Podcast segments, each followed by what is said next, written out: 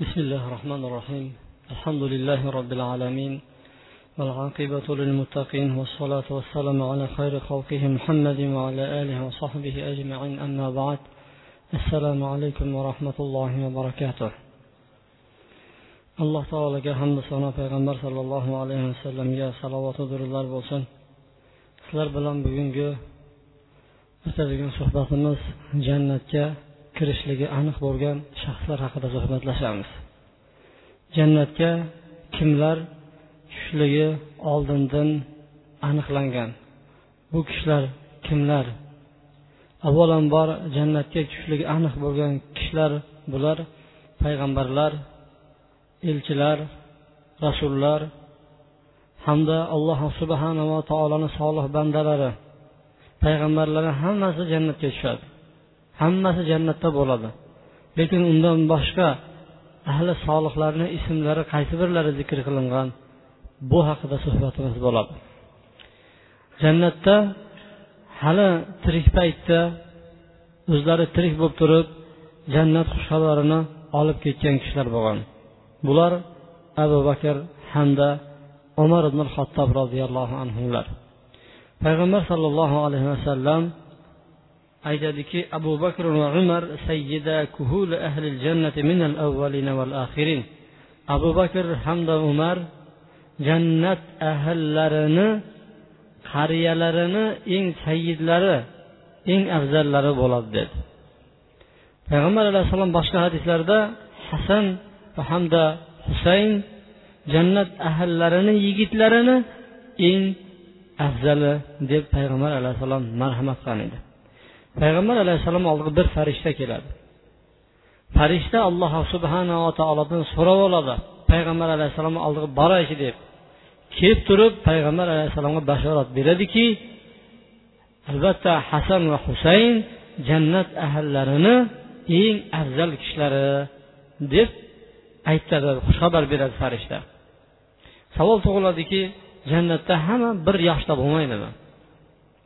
Jannatda qariya bormi? Deydigan bo'lsa jannatda qariya yo'q. Hammasi iso alayhissalomni yoshida bo'ladi. Iso alayhissalom yoshlari o'ttiz uch yoshda bo'lgan. Jannat ahllarini erkaklarini yoshlari esa o'ttiz uch yoshda bo'ladi. Mana bu hadisda aytilayotgan jannat ahllarini qariyalarini eng afzallari abu bakr va umar deb aytilayotgan. Qanday tushunamiz? Jannatda ham qariyalar bo'ladimi desak jannatda qariyalar bo'lmaydi. Jannatga kirgan odam hammasi yasharadi. Lekin qariya bo'lib vafot etganlarni ichida qari vafot etganlarni ichida eng sayyidlari bular abu bakr hamda umar hisoblanishadi.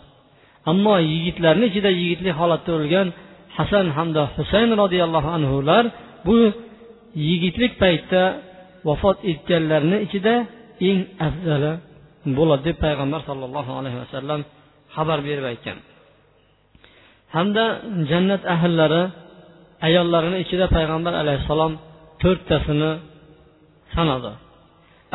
Nisai ahlil janna hadija binti huvayd va fotima bint muhammad va maryam bint imron va asiya bint mazahim imroati firon jannat ahllarini ayollarini eng afzali hadija binti huvayd va muhammad qizi fotima imron qizi maryam fir'avnni ayoli mazohimni qizi osiya deb payg'ambar sollallohu alayhi vasallam marhamat qildi. Bu ayollarni ichida eng yaxshisi maryam va hamda hadisha.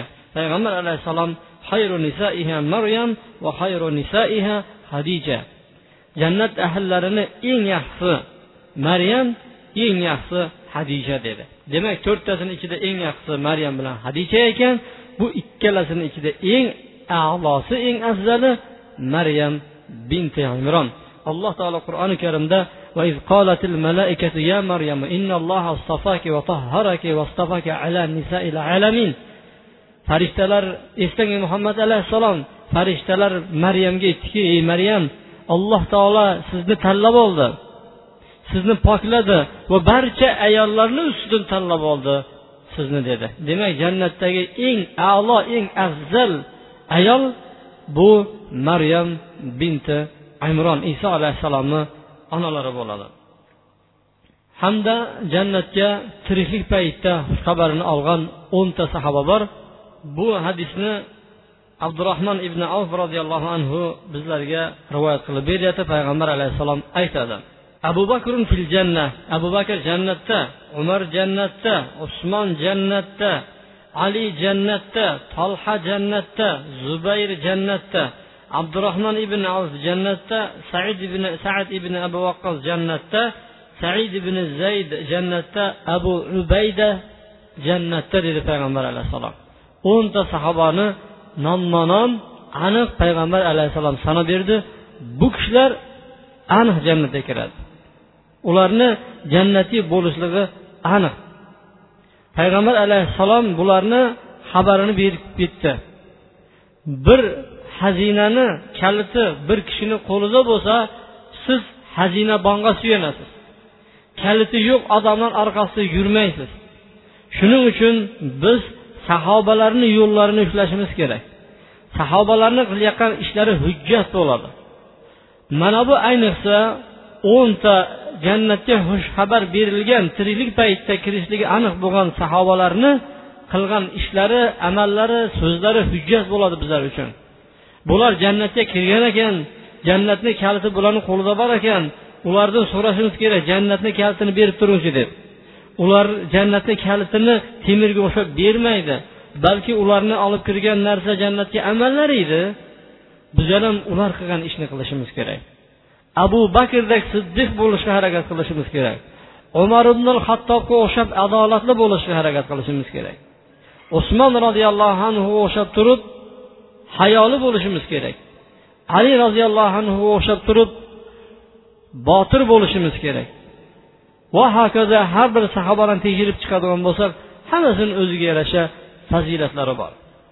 Endi bundan tashqari bo'lgan sahobalar o'ntadan boshqa bo'lgan sahobalar jafar ibn abu tolib hamda hamzat ibn abdul muttaliblarni ham payg'ambar alayhissalom jannatdaligini xabarini bergan roaytu jafar payg'ambar alayhissalom aytyaptiki دخلت الجنة البارحة فنظرت فيها فإذا جعفر يطير مع الملائكة وإذا حمزة متكئ على السرير kecha jannatga kirdim deydi payg'ambar alayhissalom jannatga kirgan ko'rib kelgan payg'ambar alayhissalom Tushlarida ham ko'rgan o'ng'illarida ham kirgan payg'ambar alayhissalom jannatga kirdim kecha deydi. Kirib jafarni ko'rdim farishtalar bilan birga uchib yuribdi deydi. Jafar roziyallohu anhuni ikki qo'li kesilgan edi jangda. Shu ikki qo'lini evaziga alloh taolo ikki qanot bergan. Jannatni xohlagan joyida xohlagan joyiga farishtalar bilan birga uchib yuraveradi. Hamzani ko'rdim qarasam hamza so'rig'a suyanib o'tirgan ekan deydi. Demak bu hadislardan ma'lumki ikkalasini ham jannatga tushishligini payg'ambar alayhissalom xabarini aytyapti. Sayyidu shuhada hamza ibn abdul muttalib payg'ambar alayhissalom aytdiki sahih hadisda hamza shahidlarning eng sayyididir deydi. Jannatga tushishligi aniq bo'lgan sahobalardan bittasi abdulloh ibn salom bu asli yahudiy bo'lgan keyin islomni qabul qilgan. Ana shu islomda judayam katta xizmatlar ko'rsatgan payg'ambar alayhissalom u kishi haqida abdulloh ibn salam ashiru ashratu fil janna. Abdulloh ibn salom jannatda o'ntani o'ninchisi bo'ladi deb xabar berdi. Navbatdagisi zayd ibn harisa roziyallohu anhu. Payg'ambar alayhissalom aytadiki jannata. Jannatga kirdim. Manga bir joriya bir qiz yo'liqdi. San kimnikisan? deb so'radim zayd ibn harifa zayd ibn harisanikiman deb aytdi. Zayd ibn harisa kim? Zayd ibn harisa payg'ambar alayhissalomni tutingan o'g'illari bo'ladi. Payg'ambar alayhissalomni va birinchi iymon keltirgan kishilarni safida sanaladi. Birinchi hadicha onamiz ikkinchi ali uchinchi abu bakr to'rtinchi zayd ibn horisa iymon keltirgan. Ba'zilar birinchiga ham chiqirishganlar bor. Ya'ni birinchiga qandoq? Ayollarni ichida eng avval hadicha qullarni ichida eng avval zayd ibn harisa iymon keltirgan edi payg'ambar alayhissalomga judayam katta xizmatlar ko'rsatgan. Bu kishini farzandlari bor usoma degan usoma bin usoma ibn zayd deydi. Payg'ambar alayhissalom bu kishini ham jannatga tushishligini xabarini berdi. Navbatdagi beshinchi shaxs zayd ibn amr ibn nufayl zayd ibn amr payg'ambar alayhissalom ko'rgan lekin sahoba bo'lgan emas u kishi. Payg'ambar alayhissalom hali payg'ambar bo'lmasdan u kishiga yo'liqqan edi zayd ibn amir varaqat ibn navfal hamda yana uch kishi kabada o'tirib o'zlari aytdiki bu arablar o'zlarini dini bilan maqtanib yurishibdi. Arablar kabasi bilan maqtanyaptiki alloh qasamki bular to'g'ri dinda emas dedi. Dinlari o'zgarib ketgan buni dedi. Kelinglar deydi to'g'ri dinni talab qilaylik dedi. Uchala shaxs uchta tomonga qarab turib taralib ketishdi. Varaqat ibn navfal bordag'in bir nasroniy kishi bilan yo'liqib turib nasroniy dinini qabul qildi. Yana ikkinchi sheriklari boshqa dinni qabul qildi. Ammo zayd ibn bu zayd ibn amr esa izlab izlab shom tarafga yurib ketdi. Borib bir yahudiy shaxs bilan uchrashdi. Yahudiy bilan uchrashtirib aytdiki man bir haq dinni talab qilib kelyapman. Shu diningizlarni manga o'rgatsangizlar man to'g'ri dinda bo'lsam degan paytda. Ma'qul agar bizni dinimizga keladigan bo'lsang ollohni g'azabiga duchor bo'lasan dedi. O'zi ollohni g'azabidan qochib kelyapman man dedi. Ollohni g'azabidan qochib yurgan bo'lsam degan paytda unaqa bo'lsa man bilmayman deydi faqatgina deydi bir din bor deydi hanif dini deydi bu qanaqa din desa bu ibrohimni dini deydi. Ibrohim ollohdan boshqasiga qulchilik qilmagan va yahudiy ham bo'lgan emas nasroniy ham bo'lgan emas deydi. Shu bilan u chiqib ketadi degan yana haq dinni izlab yurib bir nasroniy kishiga yo'liqadi unga aytadiki manga diningni bayon qilchi diningga kirsam to'g'ri dinni qabul qilsam deydi. Mayli ma'qul deydi.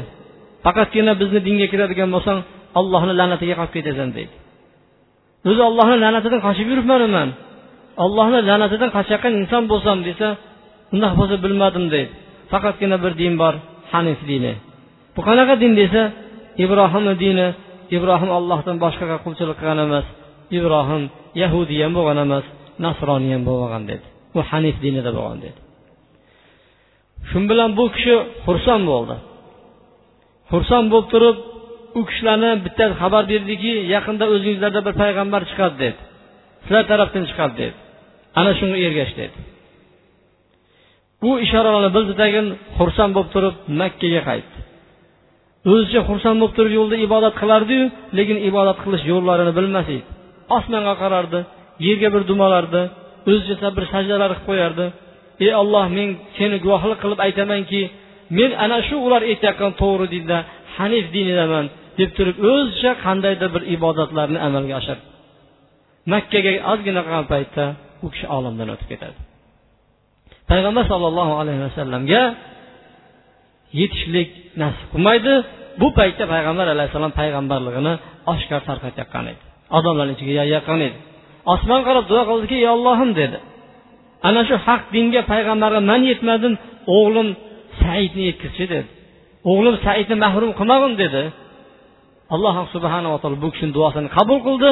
O'g'li said jannatga tushadigan o'nta odamni bittasiga aylandi. Said ibn zayd jannatda dedi payg'ambar alayhissalom. Payg'ambar alayhissalomga avvalda iymon keltirdi u kishi. Zayd ibn amir bu kabaga suyanib turib ey quraysh bu sizlarni qilayotgan ibodatingizlar u ibrohim millati emas. Ibrohim millati bunaqa bo'lgan emas. Axir bu qo'ylarni olloh yaratgan bo'lsa u yomg'irni osmondan tushirib o't o'lanlarni ustida undirib chiqarayotgan bo'lsa nega ollohdan boshqasini so'yasizlar endi? Qo'yinglar uni desa umar ibn hattobni adasi haydab yurardi buni. San qanaqasan san buzyapsan xalqimizni deb turib. Man guvohlik qilib aytamanki sizlarni bittangizlar ham ibrohimni diningizda emassiz deb turib pardani devorlarini osilib qichqirib qo'yardi bu kishi. Bu kishi payg'ambar alayhissalomga payg'ambarlik kelgandan keyin yo'liqqan tag'in makkaga ozgina qolgan paytda vafot etdi.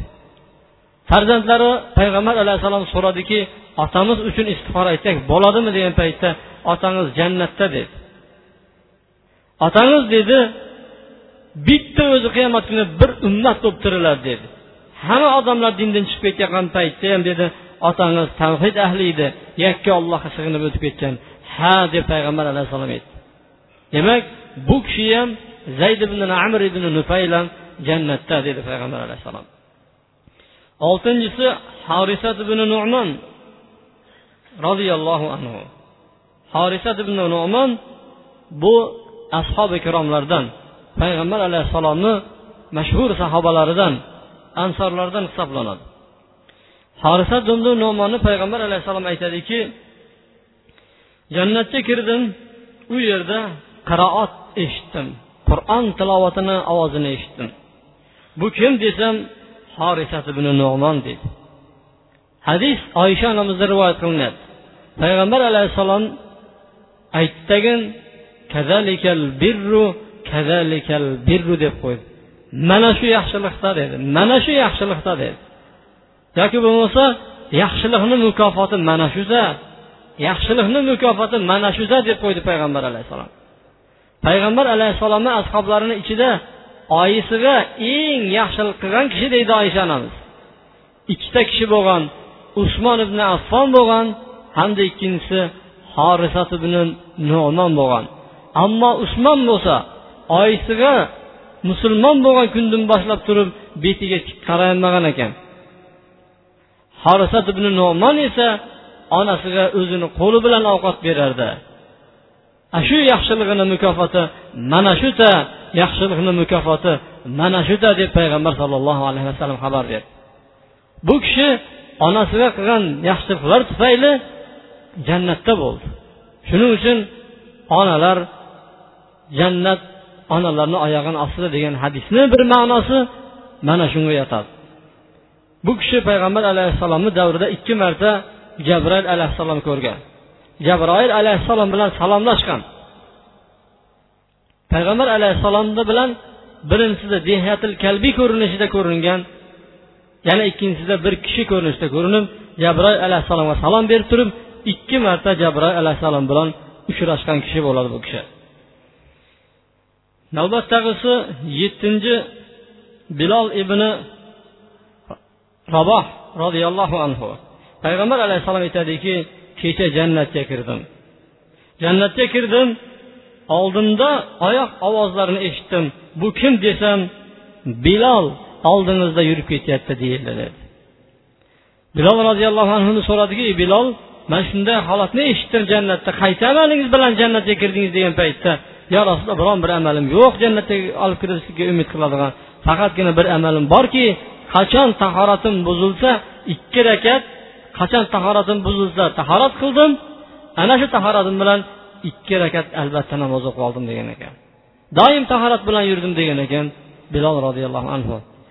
Bu kishilarni sahobalarni ismini o'qib ketishligi mumkin edi.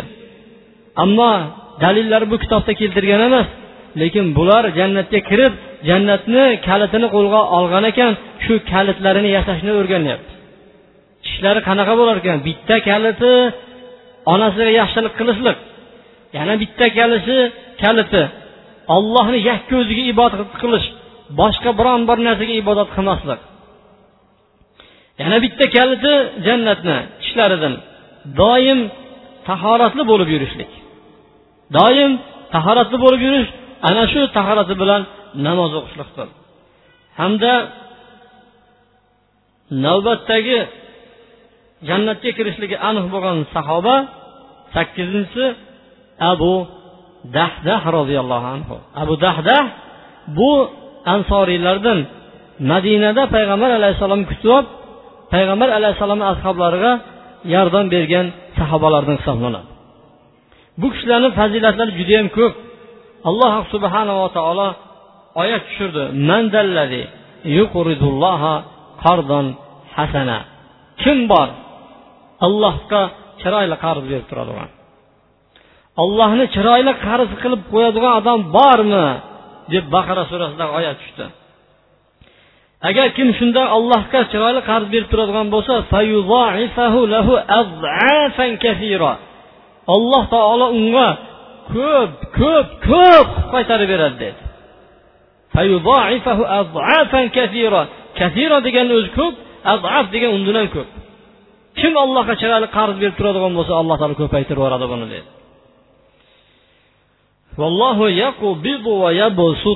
Alloh taolo ushlab qoladigan ham alloh taolo bir odamga boylikni bermaydigan ham ishini rivojlantirmaydigan ham qo'yadigan ham tomizib beradigan ham olloh keyin qilib beradigan ham boy qilib yuboradigan ham olloh va ilayhi turjaun va u zotni oldiga qaytib borasizlar baribir degan oyat tushirgan paytda odamlar uchga bo'lindi. yahudiylar aytdiki va muhammadni robbisi qarz so'rab o'tiribdi dedi muhtoj bo'lib qolibdi dedi muhtoj bo'lib turib pul so'rab yuribdi dedi mol so'rab yuribdi deb turib alloh subhanava taolo aytdi قد سمع الله قول الذي إن الله فقير ونحن أغنياء alloh taolo darhaqiqat eshitdi bunday deb aytganlarni alloh taolo kambag'al biz boymiz degan odamlarni eshitdi biz boymiz degan odamlarni eshitdi bu kimni gapi? Bu yahudiylarni gapi. Ikkinchi toifa odam bu oyatni eshitdagin baxillik qildi saranglik qildi dag'in biron bir mol dunyosini ollohni yo'liga yetimlarga yetimlarga nochorlarga muhtojlarga sarf qilmadi. Ammo uchinchi toifa esa oyatni eshitdagin bular harakatga tushib ketdi. Abu dahda sabit ibn abu dahda payg'ambar alayhissalomni oldiga keldi. Ya rasululloh deydi alloh taolo bizlardan qarz so'rayaptimi o'zi muhtoj bo'lmasa ham dedi. Payg'ambar alayhissalom ha alloh taolo qarz so'rayapti dedi. Evaziga nima bo'ladi? Deganda evaziga jannat bo'ladi dedi. Shu agar man berib yuboradigan bo'lsam dedi meni ham bolalaring ham jannatda bo'ladimi degan paytda ha dedi. Undoq bo'lsa qo'lingizni cho'zing dedi. Payg'ambar alayhissalom qo'lini cho'zdi. Payg'ambar alayhissalom qo'lini ushlab aytdiki man guvohlik qilib aytaman dedi. Meni ikkita bog'imdan boshqa bog'im yo'q dedi. Birinchisi dedi yuqorida bog' dedi. Ikkinchisi dedi ostinda bog' dedi. Shu ikkalasini dedi ollohniga qarzga berib dedi. Ollohni qarz qildim mana shu ikkita bog'im bilan. Ollohni yo'liga sadaqa dedi. Payg'ambar alayhissalom aytdiki yo'q bittasini olloh uchun ber dedi. Ikkinchisini o'zing maishating uchun oila bola chaqang uchun olib qol dedi. Bo'pti dedi. Olloh uchun yaxshirog'ini yuqoridagi bog'imni beraman dedi. Yuqoridagi bog'imda dedi olti yuzta xurmo bor dedi. Olti yuzta xurmo olti yuz tup xurmo har bir xurmoni hozirgi kunda hisoblaydigan bo'lsak ana ming dollardan hisoblab hisoblayvering tupini o'zini yerini emas xurmo judayam qimmat. Kech hosil beradigan bog' xurmozor bog'ga o'xshagan bog' bo'lmaydi hech qachon. Xurmozor bog'i judayam salqin va daraxtlari barglari judayam quyuq. Odam judayam mazza qilib rohatlanadigan bog' hisoblanadi. Bir odam ekib uni bog'ida davolanmasligi mumkin farzandlariga nasib qilishi mumkin. Tayyor bog'imi? Olti yuz tub xurmo bog'imi dedi. Olloh yo'liga sadaqa dedi sizni guvoh qilib beraman. Farzandlarim ham jannatdami dedi jannatda farzandlaring ham dedi ollohni yo'liga qarz dedi uyga keldi. Uyga kelib turib uyga kirmadi endi.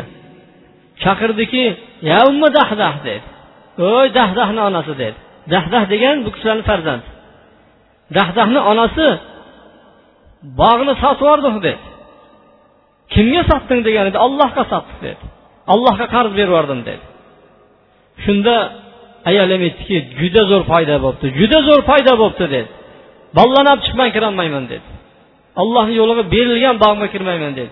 Bolalarni yetaklab olib chiqib ketyapti birini og'zida xurmo birini cho'ntagida xurmo edi og'zidagini oldidagini devordan uloqtirdi oyisi adasi emas. Bu sotib yuborgan ekanmiz buni dedi. Cho'nchagidan xurmolarni oltidagi bog'ni devorda nima qildi? Uzatib olib bordi cheti o'ralgan bog'ni otini arab tilida hoit deydi. Cheti o'ralgan edi devor bilan. Zabur qilingan edi tayyor bog' edi. Ana shuni alloh subhanava taolo yo'lda berdi. Payg'ambar alayhissalom aytdiki abu dahdah uchun qancha qancha jannatda mevalar osilib turibdi? dedi. Qancha qancha? Bir kishi o'tib ketdi bog'i ham ketdi o'zi ham ketdi. Olloh biladi u bog' bormi yo'qmi hozir lekin u kishiga jannat bo'ldi. Payg'ambar alayhissalom aytdiki abu dahdah uchun qanchadan qancha osilib turgan mevali daraxtlar mevali bog'lar bor borligini payg'ambar alayhissalom mana xabarini berib ketdi. To'qqizinchisi varaqa ibn navfal. Varaqa ibn navfal zayd ibn amir bilan birga to'g'ri dinni o'rganamiz deb chiqib ketib turib nasroniy dinini qabul qilgan edi. Payg'ambar alayhissalom birinchi vahiy tushgan paytda hadisha onamizni amakisi edi varaqa oldiga olib borgan paytda aytdiki bu nomus dedi. Musoga olib kelgan vahiyni olib kelgan nomus ya'ni jibril alayhissalom oti. Qani edi yosh bo'lsam edi dedi ko'z ko'r bo'lib qolgan edi u kishini.